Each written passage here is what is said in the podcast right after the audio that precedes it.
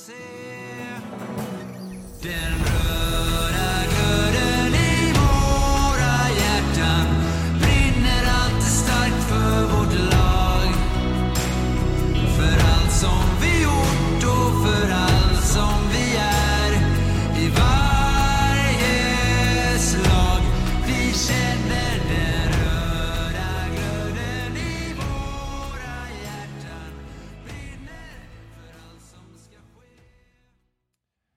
Välkomna till podden om Kalmar HC i samarbete med Mad Group International.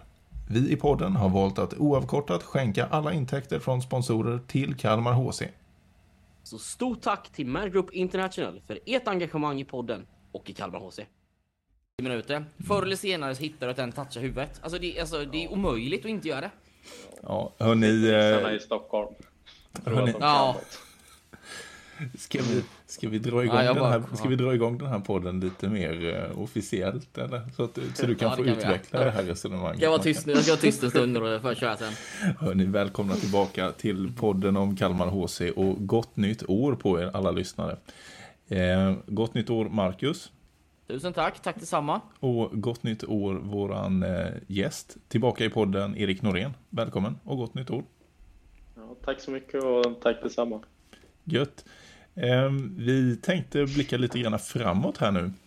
Vi har ju summerat första halvan av säsongen eh, med, eh, med Viktor Torala och med Camilla. Eh, Så vi tänkte att nu blickar vi lite mera framåt istället eh, mot eh, vårsäsongen. Eh, Och sen så har Mackan tittat en del på JVM och har blivit alldeles rasande över en del tacklingar som han ser på JVM och då tänkte vi vi måste ju prata med eh, tacklingskingen om hur han ser på de här tacklingarna också. Så vad passar då bättre än att ha med Erik Norén i podden? Kanon. Men, men jag bryter in då för att eh, vi ska inte prata om det som har varit innan så mycket. Nej. Men du har ju missat några matcher här, så vad egentligen är status på dig? Ja, Jo, men det är bättre. Det är bättre. Jag låg i feber, ont i halsen och hosta. Eh, från dagen innan julafton och en vecka framåt. hur? Så nu börjar man hamna på, på benen. Ingen feber och hosta. Eller vad säger jag? Feber och ont i halsen, men hostan är... Den är kvar när pulsen kommer upp, men det är inget farligt. Så då är det bara att bita i och köra. Så att vi hoppas och räknar med att du ska vara tillbaka mot eh, Västervik på fredag då. Ja, det, det är planen. Ja, nej, men det är bra. kör- Det, det det, låter bra.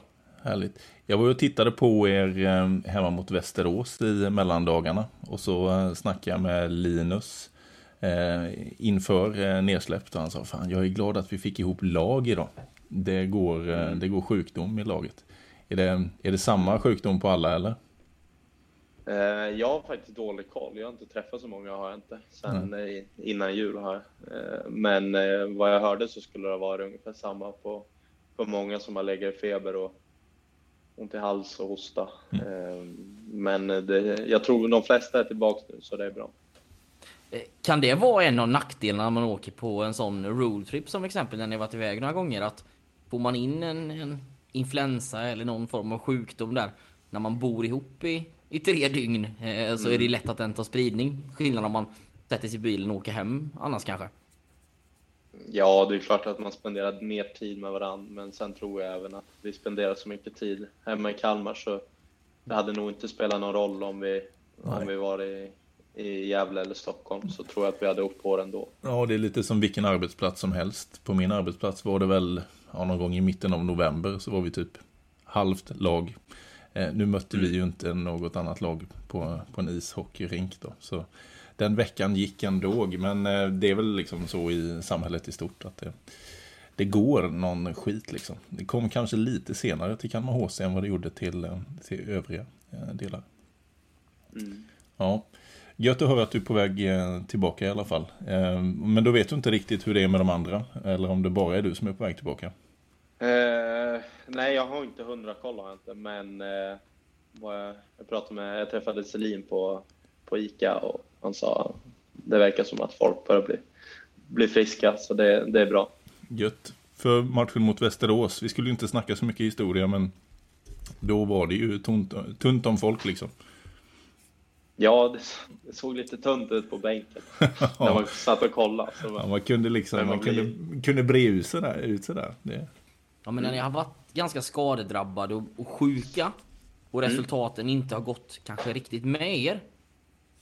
Är det jobbigare då att du varje match kanske behöver byta backpartner och du behöver byta i kedjan och du får inte riktigt den här kontinuiteten? Vinner man så kanske det är lättare. Eh, eh, Ungefär så är frågan ställd. Eh, Senare jag kan leta upp vem som har ställt den också, men kan du svara under tiden?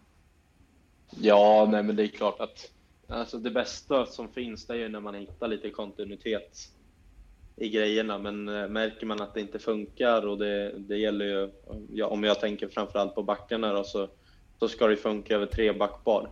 Eh, och då kanske de känner att man behöver ska om något backpar och då blir någon annan lidande över det. Men eh, sen kan det nog också vara bra och så att man inte blir alldeles för bekväm också och känner sig att nej men, nu, nu flyter det här på och så tar man det lite för lätt. Men det tror jag, det är nog inte fallen. Men eh, jag tror att det, det är bra att spela ihop sig samtidigt som att det är bra att lära sig att spela med många olika bästa. Men jag ställer följdfråga på det då. Eh, om du får bestämma, spelar man på sex eller på sju backar då? Sex. Helt klart. Och, och hur har ni coachat när ni har varit skadefria och alla tillgängliga? Är det sex eller är det sju då? Ja, det har varit blandat. Det var några matcher Mm. har varit sex, några har varit sju. Eh, Jag personligen föredrar sex för att få liksom, den här rytmen och, eh, hela tiden. Att eh, man kommer in kontinuerligt hela tiden och inte behöver tänka så mycket utan man bara kör. Eh, personligen tycker jag det är skönt. Sen är det såklart upp till, till Oliver och Viktor vad de vill göra. Men det är klart att man vill spela så mycket som möjligt och då spelar man ju helst på sex. Men känns det inte lite då att det har blivit som någon form av... Så här, att alla ska spela? Lite, nu kommer jag lite vara där, men Ja. vi byter om sju backar och 13 forward, så vi Mm. kanske de sista två, tre åren ska involvera alla. Eh, Mm. Jag tänker att den sjunde backen och den trettonde forwarden, det är ju om någon, eller någon faktiskt presterar dåligt. Nu känns det som att man ska, att det blir rörigt när du ska försöka få med alla 20 utespelare. Jag, jag kan ju bara se till mig själv att jag, jag skulle ju hellre vilja ha det som de har i Nordamerika, att ha 6 plus 12. Eller ha 18 ombytta utspelare. Eh, jag vet själv när jag kom upp som junior i Örebro och satt, satt på bänken och spelade kanske två, tre byten per match i SHL. Eh, sen spelade juniorlaget och då hade jag kunnat spela över 20 minuter, men då spelade jag kanske inte något byte med A-laget och så satt man så här, vad fan gör jag här liksom? Jag vill ju spela, även fast det är i, högre liga så, så vill man ju spela. Eh, och då byter man om till en match med 6 plus 12 och då är det sex backar och fyra kedjor. Mm. Så är det i stort sett garanterat att spela. Sen såklart hur mycket, det, det beror ju på. Men du vet att jag kommer spela idag. Och det är väldigt skönt att komma in som sjunde back och sitta så på tårna och vänta på att men kanske får något byte, jag kanske inte får något byte. Och så stoppar de in när man är helt iskall. Det är, inte, det är varken schysst mot en själv eller mot lagkamraterna. Sen är det såklart att man vill ta chansen, men att hoppa in som sjunde back ska man ju ha med sig att det är inte lätt. Och inte som 13 får det heller. Jag håller med dig eh, fullt ut. Ehm, och det, är, det, är, intressant. Jag eh, hamnar ju ofta på det som jag följer ett eh, lag från, från Jönköping här. Som är väl egentligen typ det enda SHL-laget som har spelat ja, nästan alla matcher på bara sex backar. Eh, sen, deras resultat kanske gör att man inte ska göra då. För Det det, verkar inte vara en framgångsfaktor. Kanske var eh, Ja. Nej men jag gillar, jag, jag gillar verkligen det. Jag tycker att, eh, jag tycker att, eh, jag, jag tycker att det är bättre. Och jag tror att det är enklare att spela med samma backpartner ja, 90% av bytena än att du kanske spelar som mest med någon kanske 55. Det. Jag, tror att, eh, jag tror att man tjänar på det i längden.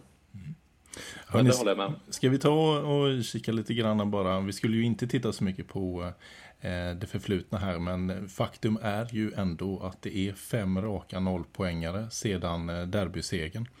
Eh, och vi har fått in en hel del frågor kopplat till lite grann lagandan, känslan i laget efter fem, fem raka förluster. Kanske är den frågan lite svår för dig att svara på då, om du har suttit i sjukstuga. Men vi Ja, jag ett kan väl försök i alla försöka fall. svara på det, men eh, det är klart att det inte är kul att torska fem raka. Eh, men det känns ändå som att eh, det kommer gå upp och ner och ett starkt lag tar sig ur de där dipparna fort.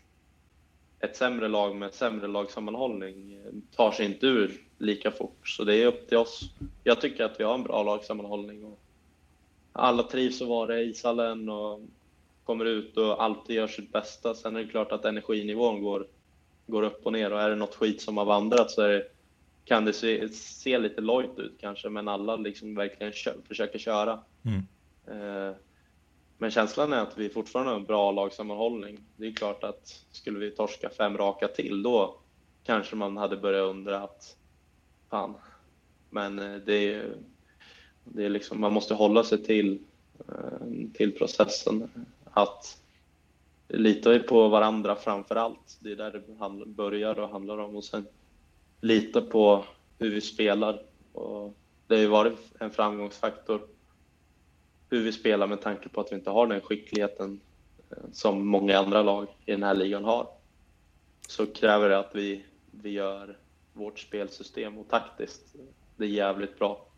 Och det gör ju också som vi pratade om här innan att ni har tvingats göra om ganska mycket i laguppställningen Mm. nästan match till match. Ni har lånat in lite spelare egentligen till varje match. Det är klart att det, det påverkar ju också. Eh, eh, Men om vi tittar framåt nu. Alltså, nu är det halva kvar. Vad är, vad, är, vad är känslan nu? För nu börjar ni väl gå och spela. Nu går ni väl mot tre matcher i veckan.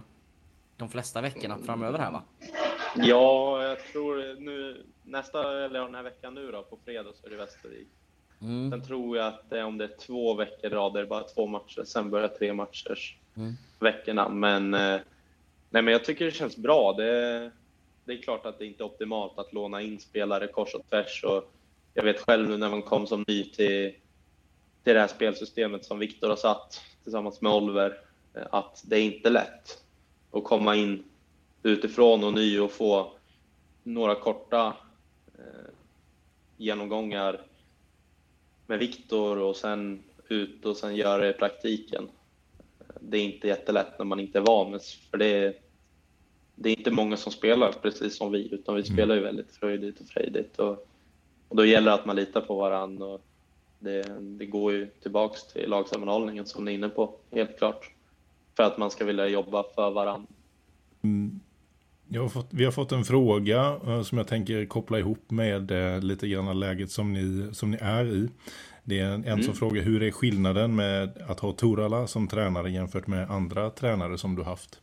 Ehm, och om man kopplar det till läget som ni är i då, liksom hur agerar Torala och Oliver nu eh, kontra vad du kanske upplevt eh, tidigare? Tänker du Hockeyettan då, eller? Ja, jag tänker andra tränare. Det är nog så frågan är ställd här från våran lyssnare. Okej, ja. Eh, då förstår jag. Men eh, nej, jag skulle säga att Viktor är jävligt noggrann när det är taktiskt. Riktigt, riktigt noggrann. Ehm, det är ju andra tränare också, men det är inte fullt lika mycket video som vi har nu. Liksom att det här med spelsystemet, det ska sitta och det går liksom... Det är sällan man, eh, ja men när det har varit någon situation på isen så är det sällan den går obemärkt. Det kanske inte är att den är på lagmötet, men man Viktor visar den för oss och sen, ja men tänk så här istället och Mm. liksom är väldigt noggrann med att det är liksom en enhet ute på isen och att det inte är en och en där ute som jobbar. Eh, Så jag skulle framförallt säga noggrannheten i det taktiska. Och vad jag förstår om man så... eh, om man- Ja, kör du Mackan, kör. Ja, nej men då, då tänker jag att jag, jag fyller på den frågan. Eh, Mm. Om man jämför då förra året i Hockeyettan i samma läge där man var i toppen och gick som ett tåg medan man i nu då har helt andra Mm. förutsättningar och man kan ju säga så här, jag- eller jag kan säga det att jag tycker att Kalmar har gjort en jättebra höst och Mm. är ju har tagit mer poäng än vad jag kanske hade trott att man skulle göra. Mm. Men det är fortfarande så att du min, vinner ju mindre matcher mot vad man gjorde för ett år sedan. Hur fungerar Mm. Viktors ledarskap i, om, man, om du vill jämföra det? Jo, men jag tycker det funkar bra. Både han och vi spelare är liksom införstådda att det är ändå ett steg upp. Vi har kanske inte det spelarmaterialet för att ligga på en övre halva. Eh, rent taktiskt så skulle vi kunna, kunna ligga högre upp och fått mer utdelning. Men samtidigt så handlar det mycket om att vi, vi som lag och sen som, ja, men med ledarskap såklart, att man behåller lugnet. Det tycker jag ändå att vi har gjort nu. Vi får ju se till att vinna nu på fredag först och främst och ta det därifrån, men att det är liksom ingen som stressar upp sig i onödan utan att vi håller oss lugna och det kommer alltid vara eh, förluster som trillar in på kontot. Men det handlar ju mycket om hur tar man sig därifrån så att man inte blir kvar. Ja, men jag tycker du träffar, träffar mycket rätt där. Eh, men ska vi gå till, ska vi titta på tacklingarna då? Jag sitter ju här och Ja. har ju nålar överallt. Ja, men, ja, men, när vi, du var med förra gången så eh, har vi fått mycket, mycket feedback efter att det var en bra diskussion kring tacklingar. Och vi poddade ju med Lars Lindberg där han, han har helt öppet sa att jag tittar inte på träningsmatcher för att det finns liksom ingen intensitet. Mm. Och det är för mig är det en träningsmatch hockey utan tacklingar. Och då sa han att han var orolig för att hockey om 15 år spelas utan tacklingar. Nu blir jag lång här känner jag. Men då tittar jag på JVM nu som ändå ska vara framtidens hockey. Och eh, kanske på den högsta nivån då med... Eh, man får kolla på repriser på allting. Men alltså jag, jag sitter ju och är irriterad på varenda match. Eh, Mm. för att, eh, ja men vi tar Kanadas då. Connor Geeky, han får alltså matcha efter 11 sekunder. Alltså jag, jag kan inte se att det är matchstraff. Jag håller med. Jag håller med. Jag tycker inte ens att det ska vara en utvisning. Eh, jag tror... Ja, men de vinner ju pucken. Eh, går back, back. Han kliver upp. Och han, han befinner sig i en låg position från början. Eh, Giki då. Och sen liksom... Sen trycker han ju ifrån. Så han trycker ifrån med benen för att ja, men få med sig kraft och sätta, sätta en rejäl bröstvärmare på honom. Och jag vet inte vilket lag där de möter, det har jag dålig koll på. Schweiz, va? Eh, ja, det kanske är. Nej, Tyskland är det. Tyskland. Tyskland. Jag tjuvkollar. Eh, ja, men eh, att sen trycker ifrån och sen har han liksom, han har armen längs sidan och sen trycker han ifrån med armarna eh, i bröstet och då har man som ansvar att eh, som tacklingsmottagare, då får du kolla upp, annars smäller det. Det är ungefär som eh, han svensken Jakob Norén, det är ungefär samma situation. Det är, du är dum som inte kollar upp, då, får du, då kan du lika gärna skita i att spela, tycker jag. Eh, då kan du gärna få bli skadad så du lär dig något. Men för, för mig blir det här liksom, alltså så här att, ja, men, vi pratar nord-syd-tacklingar, alltså, eller open ice-tacklingar kanske så att eh, alla förstår. Men om du, om du ska titta på den i 10 minuter, förr eller senare så hittar du någonting som gör att den är nära huvudet. För att det blir ju ofta så även om du håller ner kroppen, för du måste ju trycka uppåt när du tacklar. Och där menar jag att om försvararen då inte vill ta emot tacklingen, så kommer ju varenda open ice-tackling inom fem år vara ett matchstraff. Jag håller med dig och det är ett jätteproblem. Det är ett jätteproblem. Jag tror jag hade en liknande situation mot eh, Tingsryd hemma när jag fick en enkel femma. Eh, det är ungefär likadan situation förutom att han kommer liksom i båge och då kliver man in i någonting, man har armen längs kroppen, man kliver in i bröstet, sen blir det automatiskt att man trycker ifrån med händerna för att trycka undan och få mer kraft i tacklingen. Och då gäller det att man tar emot sig. Jag blev lärd när jag var liten att eh, du ska ta emot tacklingen och känner du att det blir fel, sätt upp klubban, en crosschecking, ta en tvåa för att skydda dig själv. Um, och skyddar du inte själv, då, ja men som han Mora-spelaren Jakob Norén då, som, ja men han spelar inte nu i VM tack vare att han inte tar emot en tackling. Och det har ju varit åt, eller upprepade gånger den här säsongen. Likaså tacklingen nu från kanadensaren. Eh, det är det som är roligt att se när Kanada spelar, det är att de spelar fysiskt, de spelar intensivt, men väldigt hög skicklighetsnivå.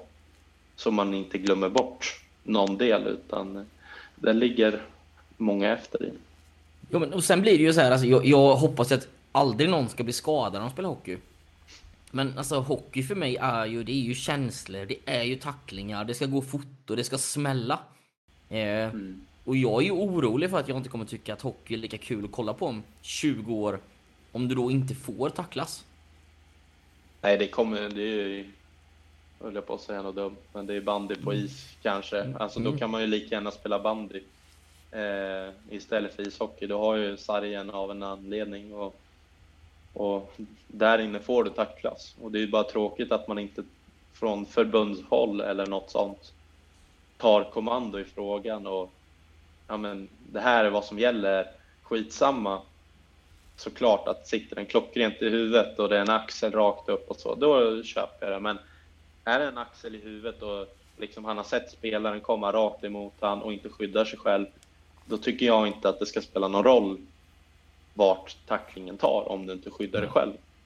Eh, då, då har man ändå ett eget ansvar till att vill du hålla dig skadefri och spela ishockey, då tar du emot den tacklingen och antingen spelar du undan pucken till lagkamrat eller så får du ge upp pucken för att ta emot den. Ehm, jag vet att du gästar ju en del eh, träningar för J18, J20 och sådär. Är det någonting du, du brukar predika när du är med eller?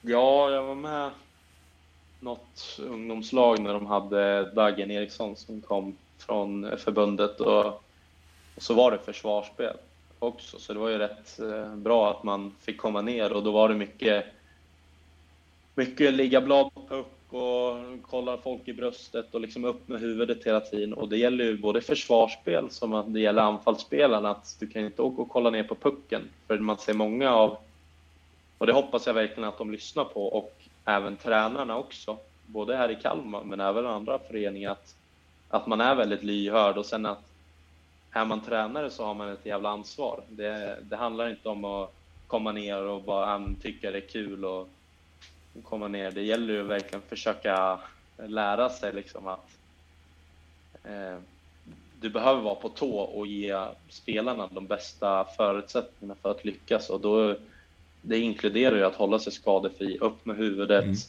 Man ska predika en fysisk hockey, men då gäller det även att de är, man är på sina egna spelare, att även i matchsituation, att är det någon som sätter sig i en jävligt dålig sits, tala om den för den att ja, men nu hade du kunnat bli skadad eller nu blev du skadad på grund av att du inte skyddade dig. Så att du inte bara tar steg ett utan du tar liksom att ja, men du har försvarsspel, sen har du själv som i steg två och så har ja, men det här kan det leda till så att man verkligen förstår och att det är övertydligt för barnen och ungdomarna att det, det kan gå väldigt illa. Så här kan det gå, ja. Mm har ju sett de som behövt sluta för att man har åkt på en massa smällar. och det här, jag tycker du är inne på något som är jäkligt rätt. Att du måste lära dig av dina egna lagkamrater och dina egna ledare. Att, mm. men, pratar mycket med, jag har en, en kollega som spelade dåvarande division 1, är väl nuvarande allsvenskan då med Tranås. Och ibland han, alltså, så när han menar visa en tackling så säger han att hade jag gjort så här. Vet, jag hade ju blivit lynchad av mina lagkamrater, alltså de äldre. De hade ju mm. skylt, skylt mig. Hur kan du sätta dig i den här situationen? Numera mm. är det mer att vi, ja men nu ska vi skydda den som ska bli tacklad. Och mm. jag har ju alltid tänkt att Sverige är, ja, ni vet hur det är, jag ska inte, nu ska jag inte hamna på nästa ämne, jag är irriterad över det här, men att vi tävlar för sent och det är mm. liksom inte okej okay att vinna.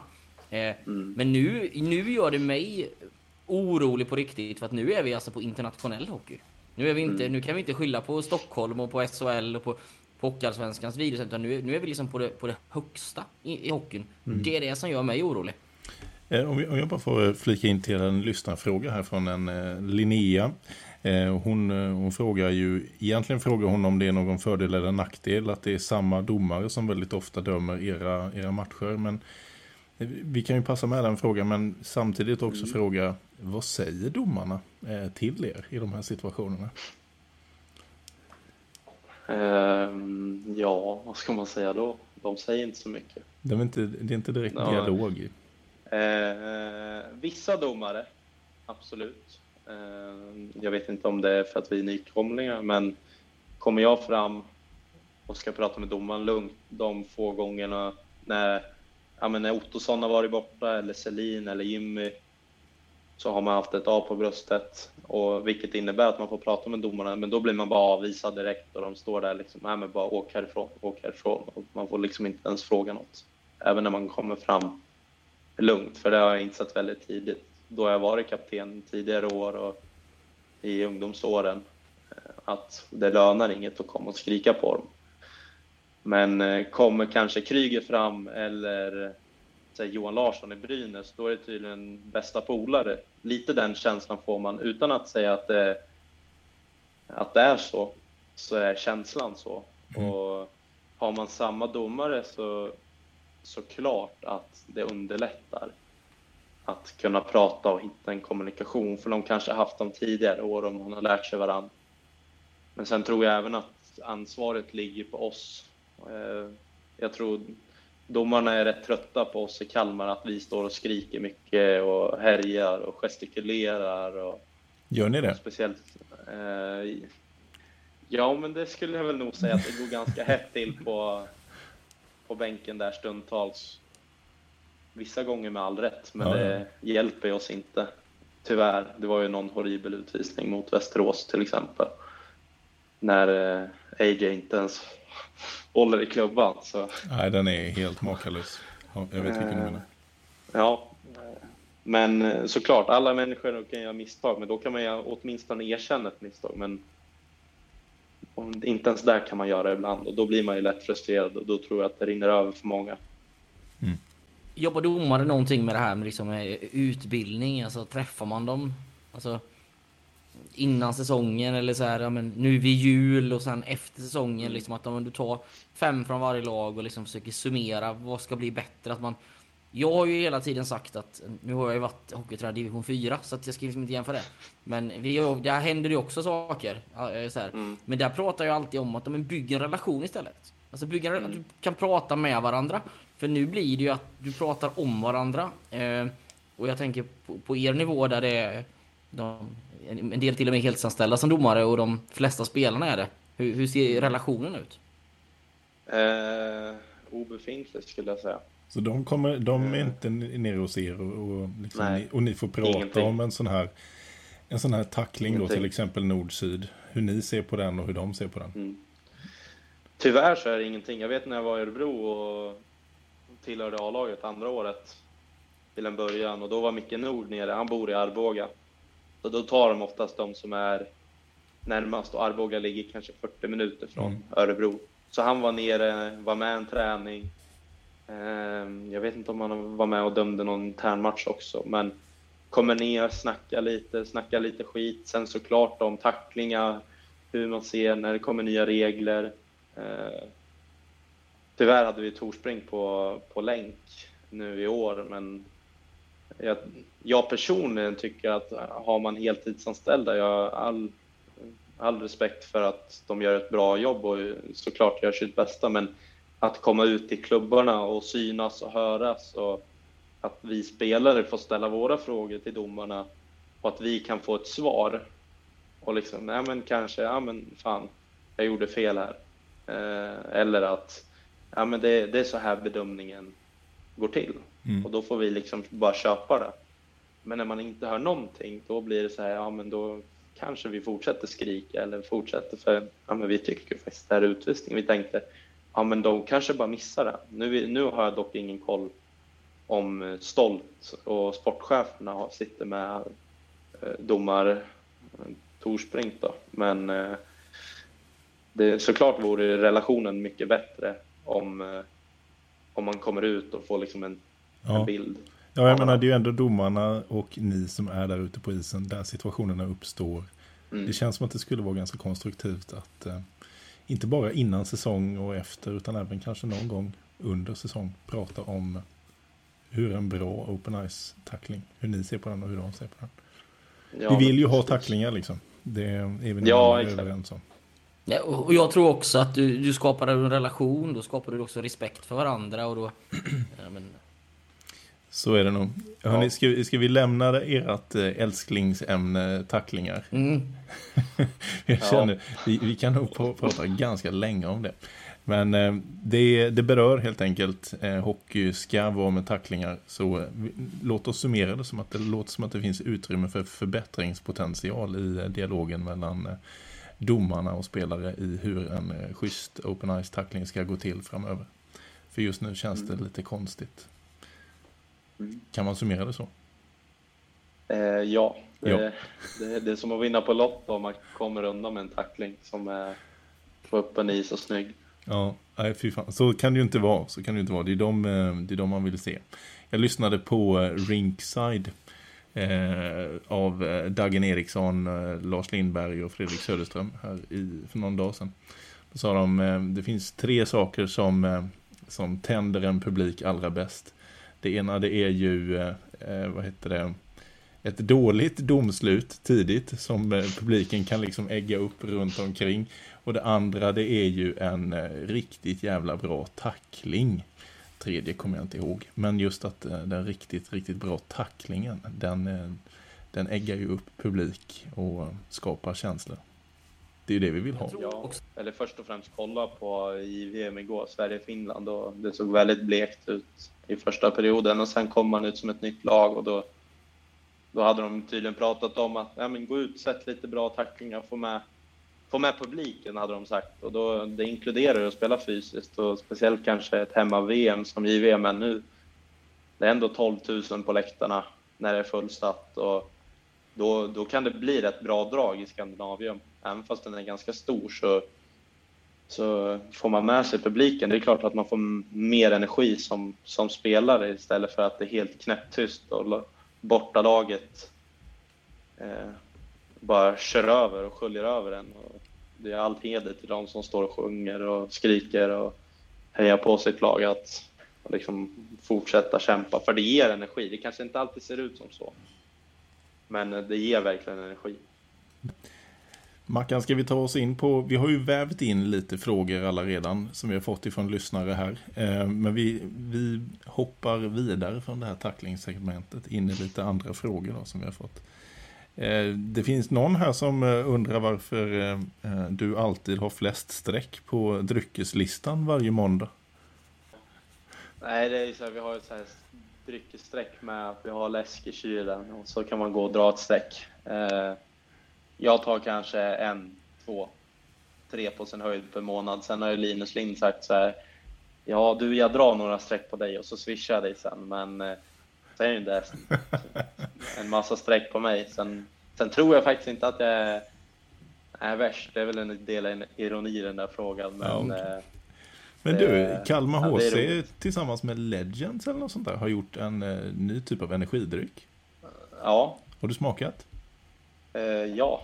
Ja, blandad förtjusning. jag tänkte säga på en femgradig skala, hur många puckar får den? Men det går ju till föreningen så det blir en trea. En krona per burk. Men eh, det är kanske inte den godaste jag druckit. Men det brukar de kanske inte vara i början heller. Den är lite för söt för, för egen del. Men jag tänker för barnen och ungdomarna absolut. Mm. Sen, eh, jag tror den var hade jag- koffeinfri och ehm, ja, fri från Ja. eh, det mesta som inte ska vara så bra. ja, För kids. ja, men precis. Och koffein får man väl kanske försöka undvika så, så gott som det går. Jag har försökt undvika det i år och känt att man har blivit mer avslappnad eh, och inte dricka energidryck förutom kanske på lediga dagar Mm. istället för var, varje dag. Men Ja. det är såklart ett val man gör själv. Men eh, det är, det är ett bra initiativ att försöka få bort att barnen ska dricka koffein i alla fall. Ja. ja, men då fick vi både en eh, betyg på nya Legends-drycken här eh, som, ni, som ni måste prova. Eh, och så får vi, fick vi veta varför, varför du har så jäkla många streck i dryckeslistan. Linus, du får Ja. skaffa dig en egen kolumn. Så, Ja, nu är det payback time. payback time. Vad har vi mer för frågor i lådan, Mackan? Ja men eh, ja, eh, Husse, eh, han tippade dig att du skulle vinna skytteligan han var med i podden. Så han undrar varför du inte leder interna målligan. Eh, ja, Hur många har du blivit? har, han- har, ja, men det har blivit tre Tre. i serien och så var det två på försäsongen. Så ska vi tänka så här så har jag tangerat mitt rekord ganska så överlägset de här tre åren i Kalmar. Så det var ju en ganska risig gissning, men Ja, ja, det jag hoppas att det, man, man, trycker in någon. Men eh, ja, hittills så, jag vet inte om jag gjorde ett eller två mål förra året, så det är snart en hundraprocentig ökning i alla fall. Ja, men det ska man ju vara nöjd med, absolut. Och dessutom en högre serie. Men eh, jag var Ja, också lite precis. förvånad där när vi snackade med Husse i, på KHC-dagen. Ja, alltså, Erik, han har sett het nu. Han har gjort mål de senaste träningsmatcherna. Så jag säger, jag säger Erik Norén. Ja. Alla andra, Ja, sa, var- alla andra tippade på typ AJ, tror jag. Ja. Jag vet inte, vem är det som leder nu? Oh, det där borde vi ha koll på. Alltså jag, jag, jag, jag chansar på att det måste vara eh, Theo Charities eller? Jo, Ja, men det, det kanske- men det är det ju. Han har det- 11 tror jag. Ja, jag tror han har gjort 11. Ja, ja, men då är det nog han. Eh, AJ fick, kom ju in i ett litet stim här eh, eh, innan jul. Gjorde väl fem eh, Mm. mål på ganska kort tid. Så jag tror han är uppe på sju, Mm. kanske åtta eller något sånt. Men Ja. eh, Tim leder. Det gör han. Det gör han. Vi dyker ner i lådan igen. Eh, det är mycket kopplat till... Ja, är eh, där. Eh, Luka, ja. är, är han på plats? Och har du hunnit eh, träna med honom ännu? Och vad ser du i så fall? Eh, Ja, jag vet att han har tränat, men jag har inte träffat honom än eller varit på is. Du har bara Eh, suttit så- hemma i din sjukstuga. Ja, tyvärr. Eh, Men han så- borde väl också då, det tar väl lite med internationella övergångar så han kanske också kan vara spelklar till, till fredag. Det är ju ytterligare en spelare och Jo, spetsa konkurrensen. Ja, eh, det är klart att det är bra med en konkurrenssituation så ingen blir bekväm. Så att man, man ska få förtjäna sin istid. Mm. Sen är det väl, eh, det är inte bara sjukdomar eh, som har hållit folk borta. Eh, det är väl lite skador också. Eh, som kanske inte läker på en vecka eller två. Det ser ut som att Hirsch fick jävligt ont i eh, derbyt mot eh, Nybro. Mm. Ja, det är väl Hirsch och sen Broen fick ju sitt... Han fick ju någon slashing där. Eh, så han är väl på väg tillbaks tror jag. Jag har inte jättebra koll på när eh, i tid, men eh, nej, det, det är lite tjuvsmällar som delas ut här och var och då kan man nog råka åka och på en skada, men förhoppningsvis är båda de tillbaks väldigt snart. Jag har en fråga till dig då och sen har jag en fråga som är ställd till dig men jag tror att det är bättre att Johan och jag tillsammans med dig kan skicka vidare den. Men den första är Kommer Hirsch vara borta hela säsongen som är kvar? Den, Den tänker Nej. jag att jag skickar till dig. den är svår för dig att svara på. Eh, Ja. Ta, ta fram, Ja, ta fram men, eh, doktorshatten nu. Ja, men exakt. Nej då, men eh, jag tror att han kommer hinna tillbaks. Det tror jag nog. Mm. Absolut. Ja men det är bra. Sen får jag, jag, jag tänker att vi tar den här också så att inte du ska behöva vara the Ja. bad guy. Men ni behöver sträcka upp Kalmar HC med att de inte informerar varför spelare inte spelar. Det står bara saknas. Vem är skadad, vem är sjuk eller varför är man Ah. inte med? Ja, den Ehm, läste jag, just det. Så att eh, jag tänker att vi får väl ta den ihop då så att du inte behöver springa in på kansliet imorgon och eh, skälla på den där. Men eh, att när spelare saknas så är det ganska dålig information har vi fått då till oss. Ja. Ja, okej. ja, men det skapar ju, Ja. det märker man ju i frågorna som Mm. kommer in här. Det är många som undrar. Mm. Eh, ja, till exempel om Hirsch där och, ja, och du själv. Ja. Ja, man ser här, det är många frågor som är kopplat som är svåra eh, att svara på. Tror, I grund och botten tror jag att allting bara bottnar i ett eh, genuint intresse för laget. Man vill veta Det tror jag med. eh, varför, är inte, eh, varför är inte spelare tillgängliga. Som man ju gillar Mm. att eh, heja på. väljer man lite olika taktiker alltid som, som du kanske säger men Mm. vi kan väl säga den, det var ju något år AIK fotboll kommunicerar allting med över eller underkroppsskada och så var det en som bröt benet och så kommunicerade, de dagen efter att han är borta, vad stod det? 6 till 12 veckor med underkroppsskada. Ja. Så att, Ja. så att, eh, ja det finns ju en gräns ibland också, vad du, alltså, ibland så är det så uppenbart att det är bättre att säga det kanske. Jag tror man vill fokusera på de, de spelare som är på laguppställningen för den matchen. Det, det är de som ska göra det. Och sen får man väl hoppas att man... Det finns ju oftast ett skäl till att man inte spelar. Det saknas platser i, i laguppställningen så är det väl troligtvis sjukdomar eller skador och är det fullt och någon inte spelar, ja men då kanske är av konkurrenssituation. Så, eh, Ja, vi hoppas på fullt lag på fredag i alla fall. ja, det gör vi verkligen. Mm. Ja, det ska bli kul. Bli Husse, håll Ja. i dig för nu kommer det. Hattrick på fredag. Klättrar han som en raket i skytteligan. Hela våren. Ja, det vore något. Ja, det vore något. Hittar vi några mer frågor Mackan?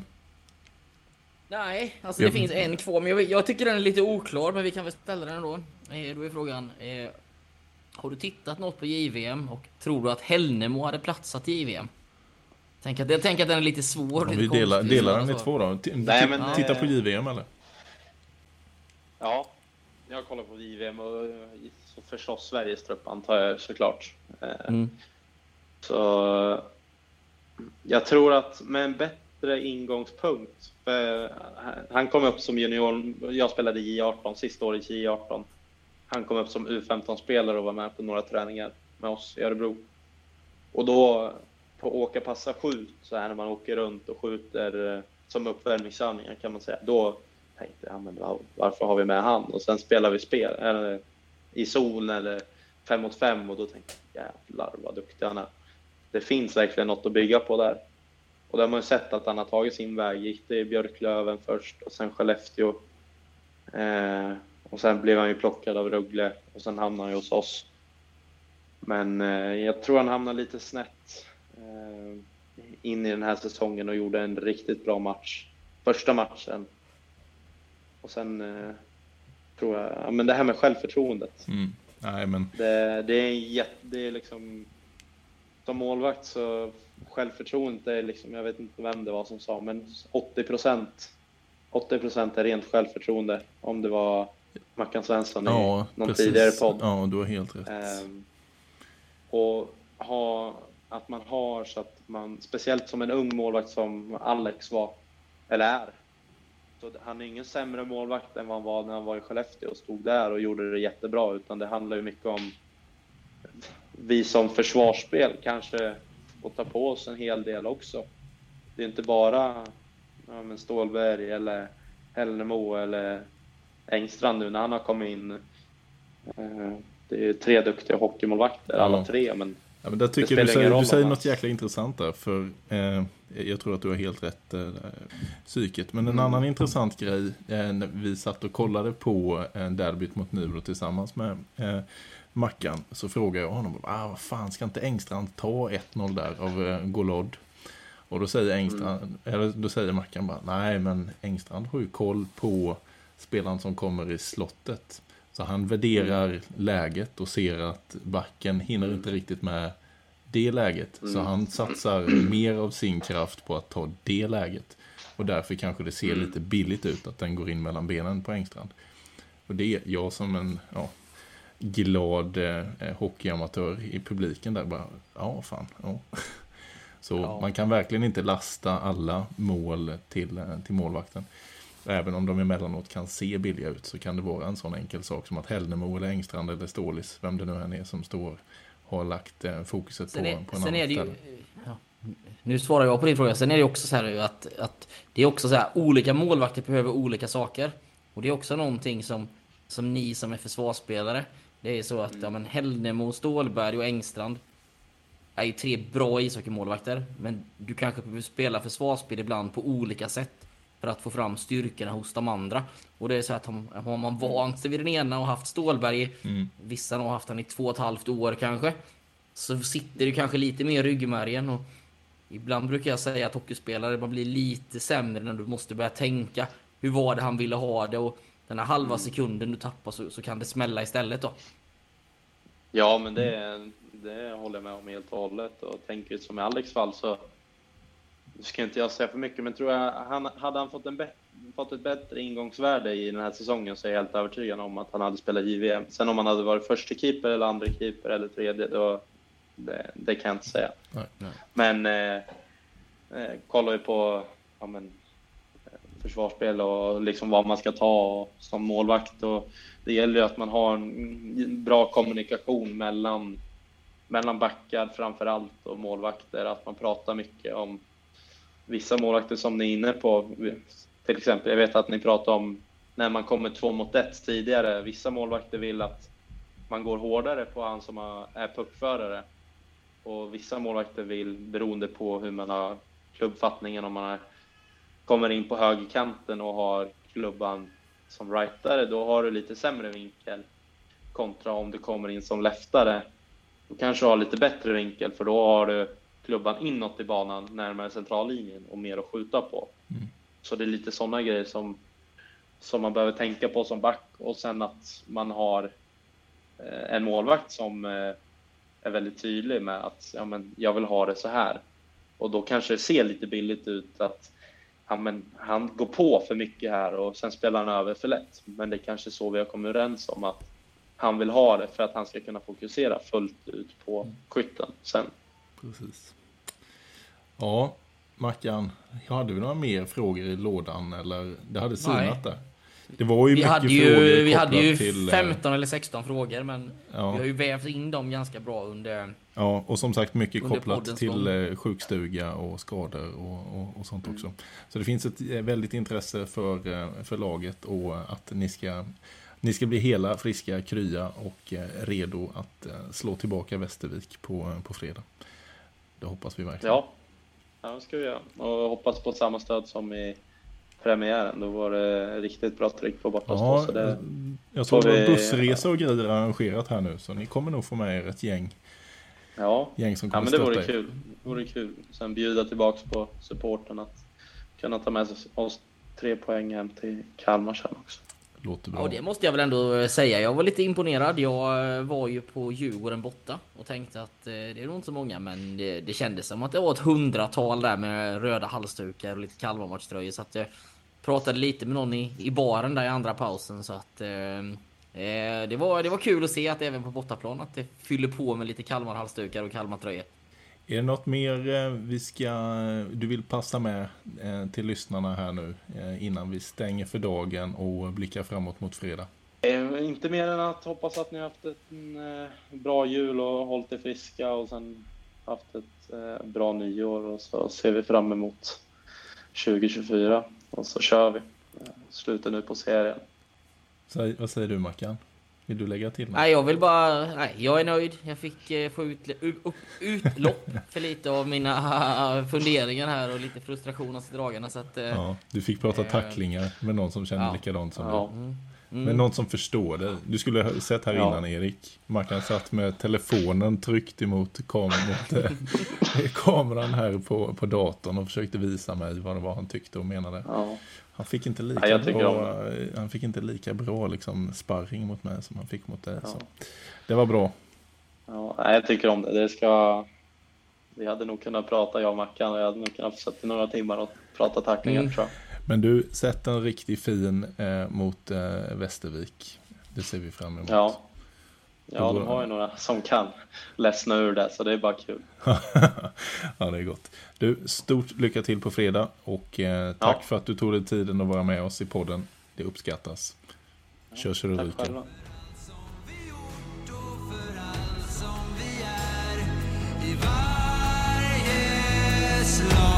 vi